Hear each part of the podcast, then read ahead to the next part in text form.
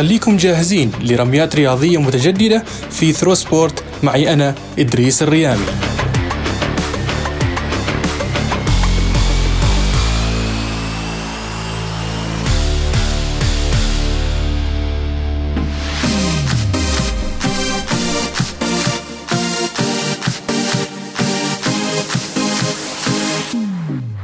انتهى كلاسيكو الأرض بين برشلونة وريال مدريد.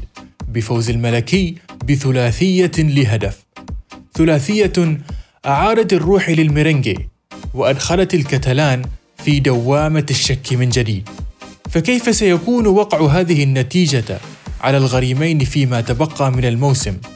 وهل نستطيع أن نقول بأن النتيجة حددت ملامح البطل لهذا الموسم؟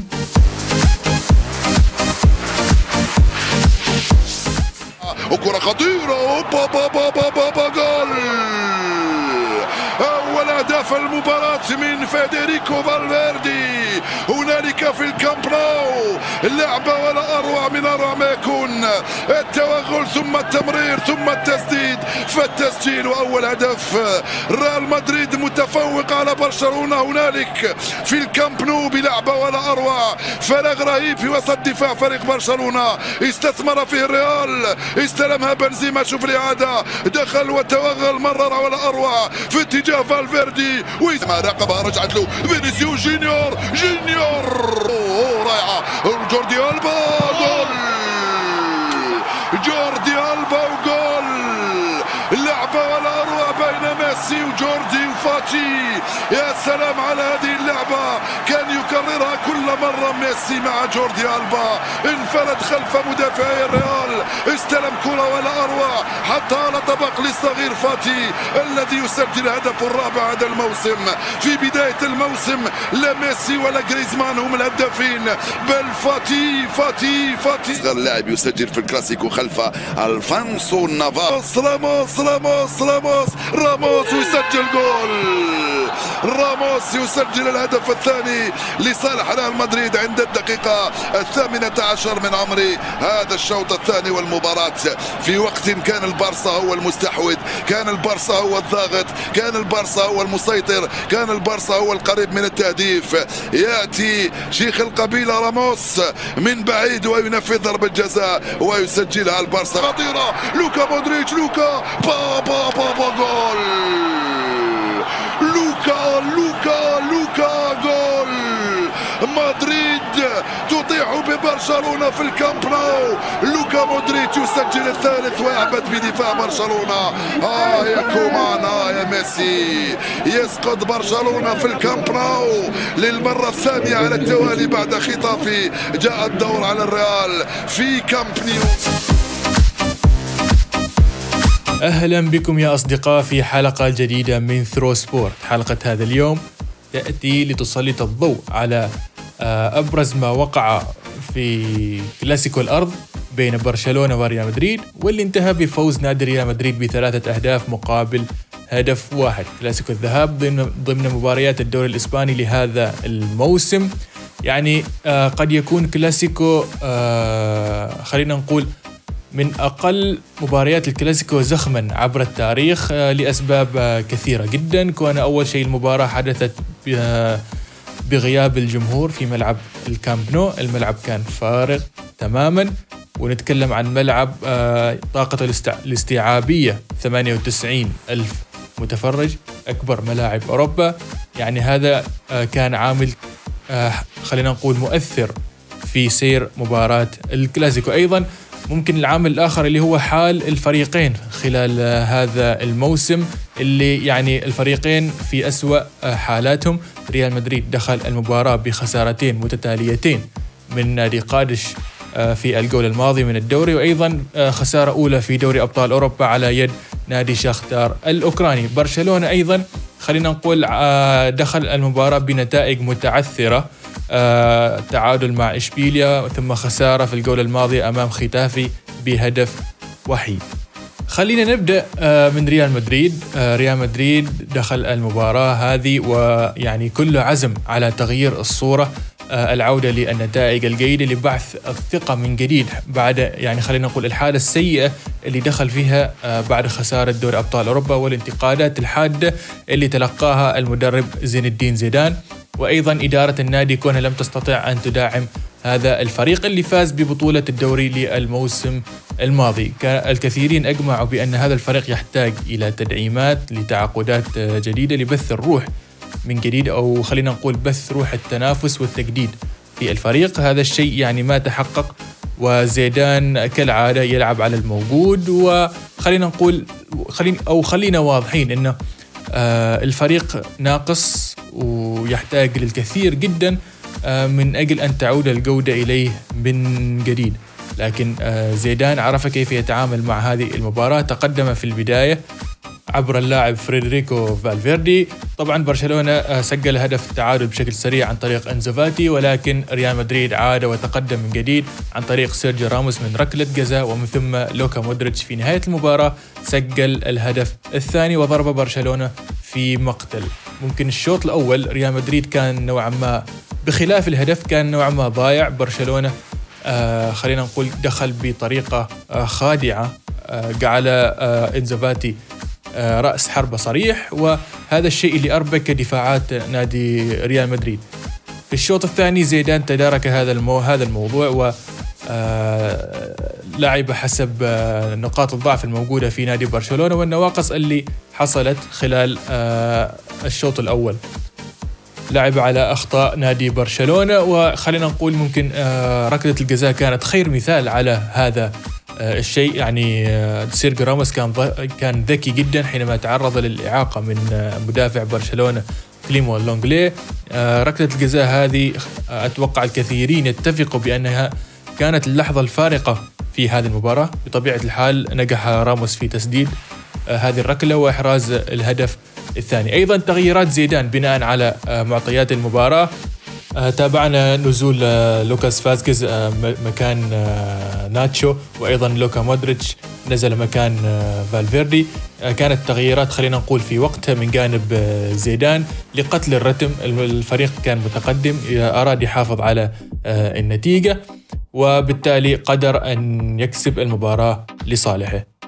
في المقابل نادي برشلونة دخل المباراة مثل ما قلنا بطريقة خادعة. انزوفاتي كان رأس حرب صريح. ليونيل ميسي نجم الفريق كان آه، خلف آه، المهاجم.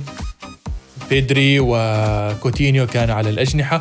آه، خلينا نقول التشكيلة كانت متوازنة كانت يعني أربكت دفاعات نادي ريال مدريد. استحوذ على الكرة في معظم أوقات المباراة كالعادة.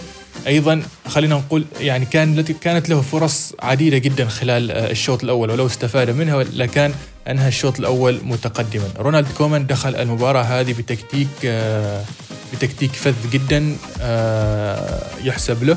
ولكن في الشوط الثاني شاهدنا أيضا تراجع بدني من نادي برشلونة.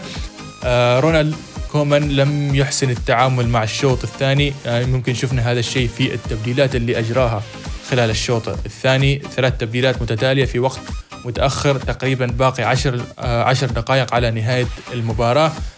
الواضح إنه ما كان الوقت الكافي اللي خلينا نقول لتعديل النتيجة أو آه، صناعة آه، الفارق. أيضا الأخطاء الدفاعية القاتلة اللي شفناها من جانب نادي برشلونة تمثلت في الهدف ريال مدريد الأول. كان سوء تغطية واضح جدا من جانب آه، الدفاع. أيضا آه، ركلة الجزاء كانت خلينا نقول ممكن فيها جدل حول ما إذا كانت ركلة جزاء صحيحة أم خاطئة. ولكن خلينا نتفق أن المدافع لونجلي لم يحسن التعامل مع الموقف. أيضا في الهدف الثالث ممكن كومان جازف بإخراج مدافع وإنزال مهاجم آخر. يعني هذا الشيء أدى لفتح مساحات في خط الدفاع وبالتالي استطاع ريال مدريد أن يحرز الهدف الثالث. طيب إيش وقع هذه النتيجة على الفريقين؟ ممكن ريال مدريد بطبيعة الحال فوز كبير آه، خارج ملعبه في ملعب الكامب نو زيدان حتى الآن لم يخسر كمدرب على ملعب الكامب نو آه، هي عودة للانتصارات بالنسبة للفريق الأبيض دافع معنوي كبير للمواصلة والمنافسة في بطولة آه، الدوري وربما المحافظة على اللقب اللي فاز به خلال الموسم الماضي. ولكن هذا الشيء لا يلغي حقيقة أن آه، الفريق ما زال به نواقص. وخلينا نقول الجانب الفني ما زال غير مستقر. إصابات آه، كبيرة جدا موجودة في اللاعبين على رأسهم إيدن هازارد. فما زال زيدان ينتظره شغل كبير جدا لتحسين الفريق وأيضا للمنافسة على مستوى دوري أبطال أوروبا. خسر في المباراة الأولى أمام شختار وبالتالي هو في آه خلينا نقول في موقف صعب يحتاج لتصحيح الأوضاع وتصحيح المسار. في المقابل نادي برشلونة آه راح تكون هناك موجة انتقاد آه كبيرة جدا. ممكن راح تخص آه المدرب كومان كونه يعني ما أدار المباراة بالشكل المطلوب. أيضا الجانب البدني اللي انهار لدى اللاعبين. ممكن الإرهاق يلعب دور في هذا آه، الجانب. ولكن آه، ما زال الفريق يحتاج لتحسين ما زال يحتاج للكثير جدا من من العمل خصوصا بعد آه، يعني الأزمات المتلاحقة والنكسات اللي تعرض لها في الموسم الماضي. يعني أكبر نكسة تعرض لها هي خسارة البايرن بثمانية أهداف أمام بايرن ميونخ وأيضا مسألة آه، رغبة ميسي بالرحيل واللي آه، صداها ما زال موجود آه، حتى هذا اليوم ولو بشكل أقل. ولكن يعني بالرغم من هذه الخسارة الا انه يعني إحنا نشوف إنه في مكاسب حصل عليها برشلونة من خلال هذه المباراة ممكن تمثلت هذه المكاسب في الوجوه الشابة اللي لعبت هذا الكلاسيكو آه، انزافاتي صاحب هدف برشلونة الوحيد. شفنا بيدري شفنا ديست لعبوا المباراة هذه لأول مرة في مسيرتهم. فيعني قدموا أداء طيب جدا وممكن يبشر بفترة قادمة جميلة بالنسبة للنادي الكتالوني كونه أنه في مرحلة انتقالية. آه، هنالك توجه بتخفيض معدل أعمار اللاعبين. آه، أصبح نرى أصبحنا نرى وجوه شابة كثيرة في الفريق.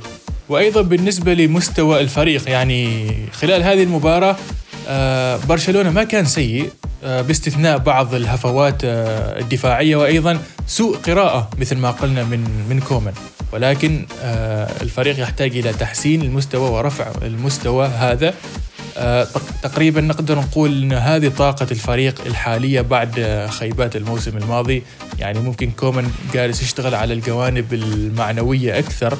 من أجل خلينا نقول خلق روح الفوز والروح التنافسية بين أفراد الفريق لأنه آه، قد يكون الفريق حاضر مثلا فنيا أو بدنيا ولكن ذهنيا الفريق ما زال غائب ومتأثر جدا بخيبات الموسم الماضي.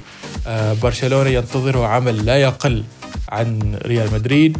آه، ما نقدر نقول إن هذه النتيجة حددت ملامح بطل الدوري الإسباني لهذا الموسم. آه، قد قد قد نكون خلينا نقول منصفين لأن أتلتيكو مدريد آه، ما زال هو الآخر يتعثر وريال مدريد لديه مباراة مؤجلة برشلونة لديه مباراتين مؤجلتين فهي هو كم نقاط آه، ممكن يفرق ويحدد كفة أحدهما على الآخر خلال الموسم الحالي. وأيضا ما زلنا إحنا في بداية الموسم هذا فقط حاليا الجولة السابعة جولات كثيرة متبقية ممكن يحدث فيها الكثير لكن برشلونة وريال مدريد آه، يعني ينتظرهم شغل كبير جدا. برشلونة يمكن بشكل أكبر آه الأربعاء القادم لديه اختبار صعب جدا أمام نادي يوفنتوس في دوري أبطال أوروبا. آه ممكن تزيد حدة الانتقادات في حال الفشل في هذا الاختبار. هذه كانت قراءة سريعة جدا لمجريات الكلاسيكو وما هو القادم بالنسبة للغريمين. وهذه كانت حلقتنا لهذا اليوم من ثرو سبورت نلقاكم إن شاء الله في حلقات قادمة ومتجددة. دمتم في حفظ الله وإلى اللقاء.